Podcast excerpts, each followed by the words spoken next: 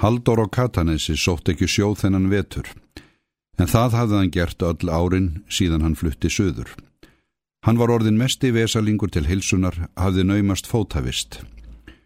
Jóni Díavög neytaði að taka við formönskunni af honum eins og Haldur vildi.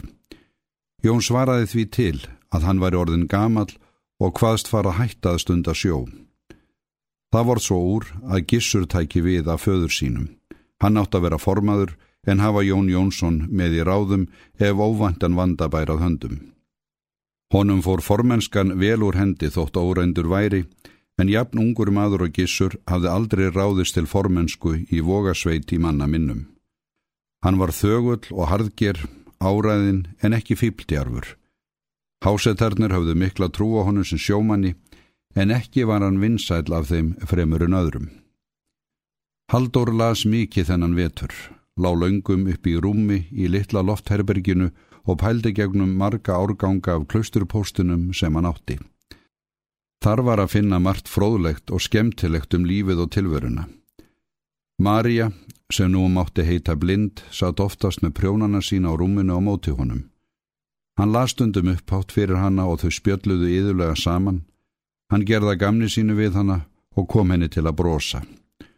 Hún var nú farin að sætta sig við sjóndepruna og undir lífinu sæmilega.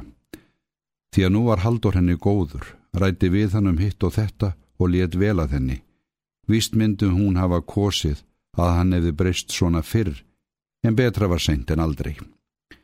Maríu var aldrei um það hugsað hvað olli þessari breytingu. Henni var nóg að nú var allt eins og það átt að vera millir þeirra. Haldur restist með vorinu og reið þó oft út sér til skemtunar á uppáhaldshestinum sínum. Dagn okkur fór hann á hrossamarkað í næstu sveit. Ragnar Samuelsen var þar líka og slóst í fylld með katanisbóndanum á heimleið. Þeir sögðu ekki margt. Haldur var þykjuþungur í garð Ragnars þó að honum fjalli vel við hann að ímsu leiti. Gat ekki fengið sér til þess að vera skeggræða við hann eins og aldrei hefði kastast í kekki með þeim. Þó fór því fjari að hann leti piltin gjalda móður hans. Áin hafði verið í vextu morgunin en þegar þeir komaðan um kvöldið var hlaupin í hana jökulburður. Hún vald fram kolmóruð með grjótkasti og ströymiðu jökulþefin lagðaf henni langar leiðir. Flaumurinn bar fram smáa og stóra jaka og niðurinn barst víða vegu. Þeir áðu hjá vaðinu sem venjulega var farið og horðu á hamfarir árinar. Ragnar vildi reyna að ríða hana þarna en Haldur réðu honum eindreið frá því. Hann sagði að ofar í sveitinni var að annað vað betra. Hér væri fásin að ætla að hætta sér út í hana, álit Haldur. En Ragnar hló og hvers nú ætlas að reyna samt. Pálæti katanisbóndans hafði hleyft í hann þrjósku og gremju. Þú er þó ekki smeykur, Haldur, spurði hann spotskur. Vel má það vera, svaraði katanisbóndin og gramdist þvermáskan í piltinum. Og ég vil helst að þú rýðir með mér þarna upp eftir því það skaltu vita að vaðið að tarna er tæft og hætt við að hestin hreki niður á brotinu. En þá er ekki sökum að spyrja. Skriðurinn á jökunum er mikill og það skal tröstan grip til að standast þá. En Ragnar hvaðst óhættur um hestin. Hann leitt enkennilega á haldur og sagði Ég hefði vist átt að segja þér dálítið sem ég veit áðun ég leggi ána því að hér rýði ég hana hvað sem hver segir. En þú fær sjálfsast ekki til að hlusta á mig, þú munt leggja á mig hatur. Síðan knúði hann hestin út í ána. Halduri gafst ekki kostur á því að svara honum. Hann varð eftir á bakkanum og horða á Ragnar. Áinn var sínu verri viðurregnar en Haldur átti von á. Hún var strax í miðjar síður og þegar í stað auðséð að hesturinn var óvanur vondum vötnum, hann riðaði í hvert sinn sem Jaki rakst á hann og það reyndist örðugt að halda honum upp í ströymin. Hesturinn var aðeins spölkort frá landi þegar hann tók að rekja. Allt í einu rakst stóri Jaki á lendin á honum og það munaði minnst að hann misti fótana. Útlitið var í meira lagi ískikilegt. Haldur fann svita slá út um sig Hann þekkti ána nógu vel til þess að vita að þeir kæmust aldrei yfir hana með þessu móti. Pilturinn var bölvaður ángurapi, en ekki varð honum borið á brín að hann veri huglaus. Haldur hafði sjálfur fristast til að ríða hættulegu vatsföll í æsku. Loft var skíjað þennan dag. Regn þungur híminn grúði yfir láði og leigi, gengvanlegur dýnur bar stofan úr fjöllunum og bóðaði storm. Brimið jóst við ströndina og áinn hafði vaksið síðan hann kom aðinni. Jakarhönglið var orðið þéttara. Ragnar var komin miðja vegu, en átti ekki eftir nema að tæpa tvo faðma niður á brotinu. Það var mikið vafamál að Salfur sæi són sinn lifandi framar. Færi hestur og maður og sund neðan við brotið var lítilvonum björgun. Jakarhönglið myndi knosa þá sundur áður en kæmi ofan í fjöruna. Svo var vist Ragnar ósindur. Það var ljóta fásinnan af ungum mönnum að læra ekki að synda. Sjálfur var Haldur syndur sem selur í æsku.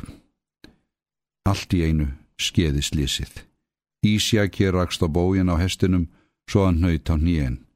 Maður og hestur fór á kaf og þegar þeim skaut upp aftur bar ströymurinn þá ofan ána.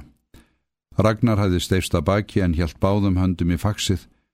Hann gaf ekki frá sér stunu eða hósta.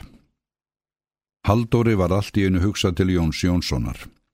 Það væri ílt til þess að vita ef Jón þyrst að horfa upp á dóttur sína gráta. Hann reyði sprettinum niður með ánni en hafði þó ekki tekið neina ákverðun. Ekki var heldur margra kosta völ. Það var hart til þess að vita að svona færi fyrir þessum unga og myndarlega pilti annaðins mannsefni og hann var.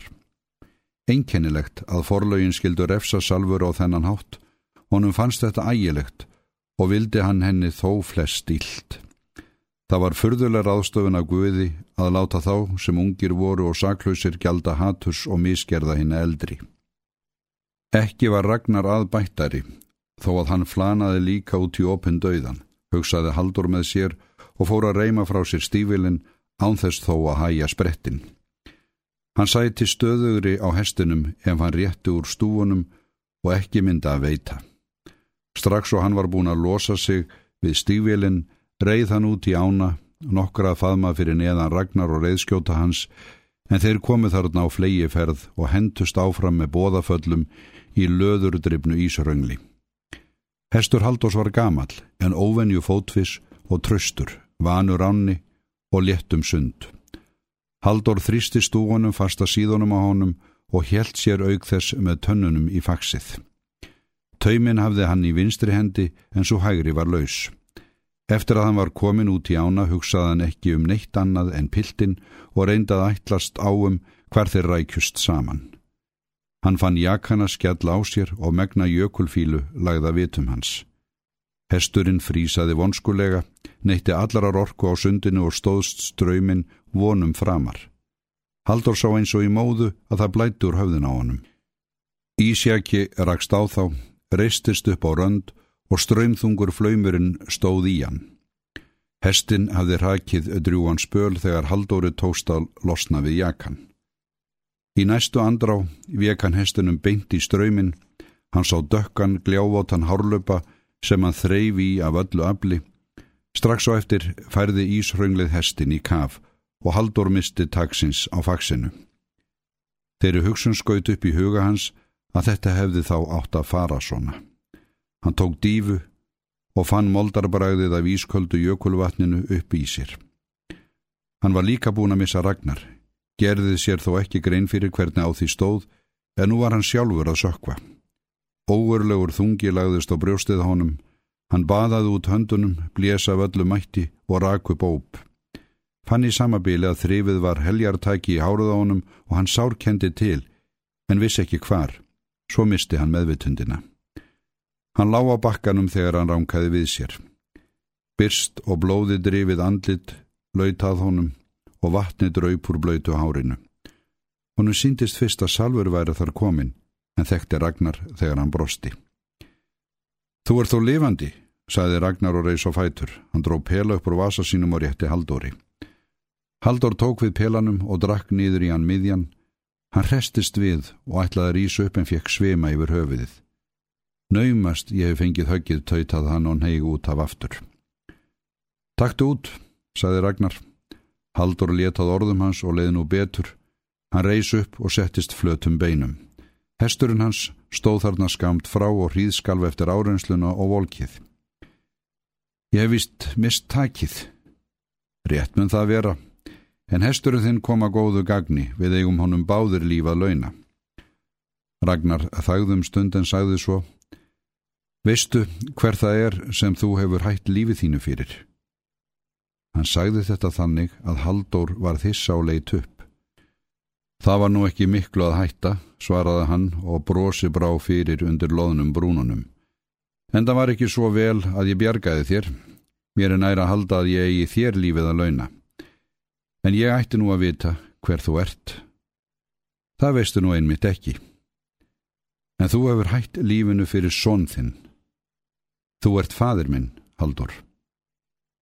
Kanski hefði átt svo að vera, en sleppum þessu gamni drengur minn. Þetta er alls ekkert gaman.